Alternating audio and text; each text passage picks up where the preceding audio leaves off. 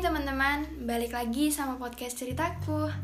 Maaf banget belum update lagi.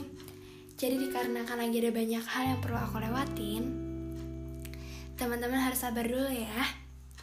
Dan sekarang aku mau mulai lagi untuk bercerita. Di mana aku?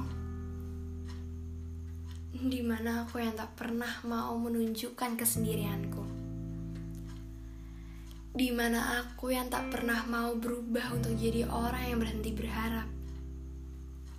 Dan di mana aku yang selalu ada untuk mereka yang tentunya membutuhkan aku. Aku terperangkap akan diri aku sendiri. Aku hanya jadi pengikut diri aku yang tak tahu seketika aku mengatakan ini bukan aku. Bukan ini hal yang aku inginkan. Bukan ini hal yang aku ingin ceritakan.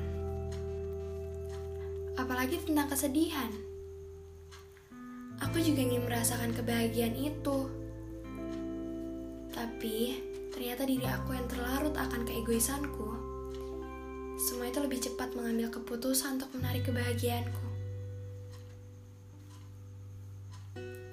Kesal sebal, marah ke diri sendiri. Lantas aku bertanya, mau jadi apa? Jika rasa tahu mau mengalah sama perasaan yang terus hadir. Seakan aku tak pernah bisa menjadi apa yang kau inginkan. Pantas, aku berpikir demikian. Berpikir tentang apa yang salah di diri aku sehingga aku menyalahkan tentang apa kebahagiaan tak diperizinkan untuk aku. Kebahagiaan yang aku dapatkan itu semua hanya di awal. Mungkin itu yang bikin aku menyerah. Tapi juga di satu sisi, perasaan pun tak mau menyerah.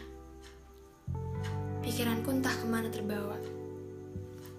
Ia terlihat bingung, mau milih yang mana menyerah atau bisa dibilang cukup diam dan dinikmati.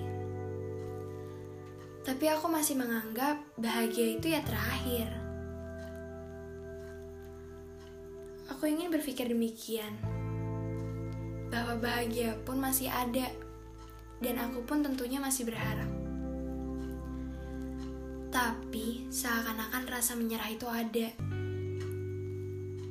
saat aku menunggu rasa bahagia yang datang hanya sementara.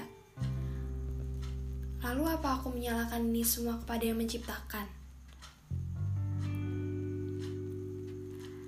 Aku berdoa, semoga perasaan ini tak pernah berakhir untuk jadi yang menyedihkan. Dan aku berharap cepat kau temukan siapa yang berhak bikin kamu menjadi istimewa dan bahagia.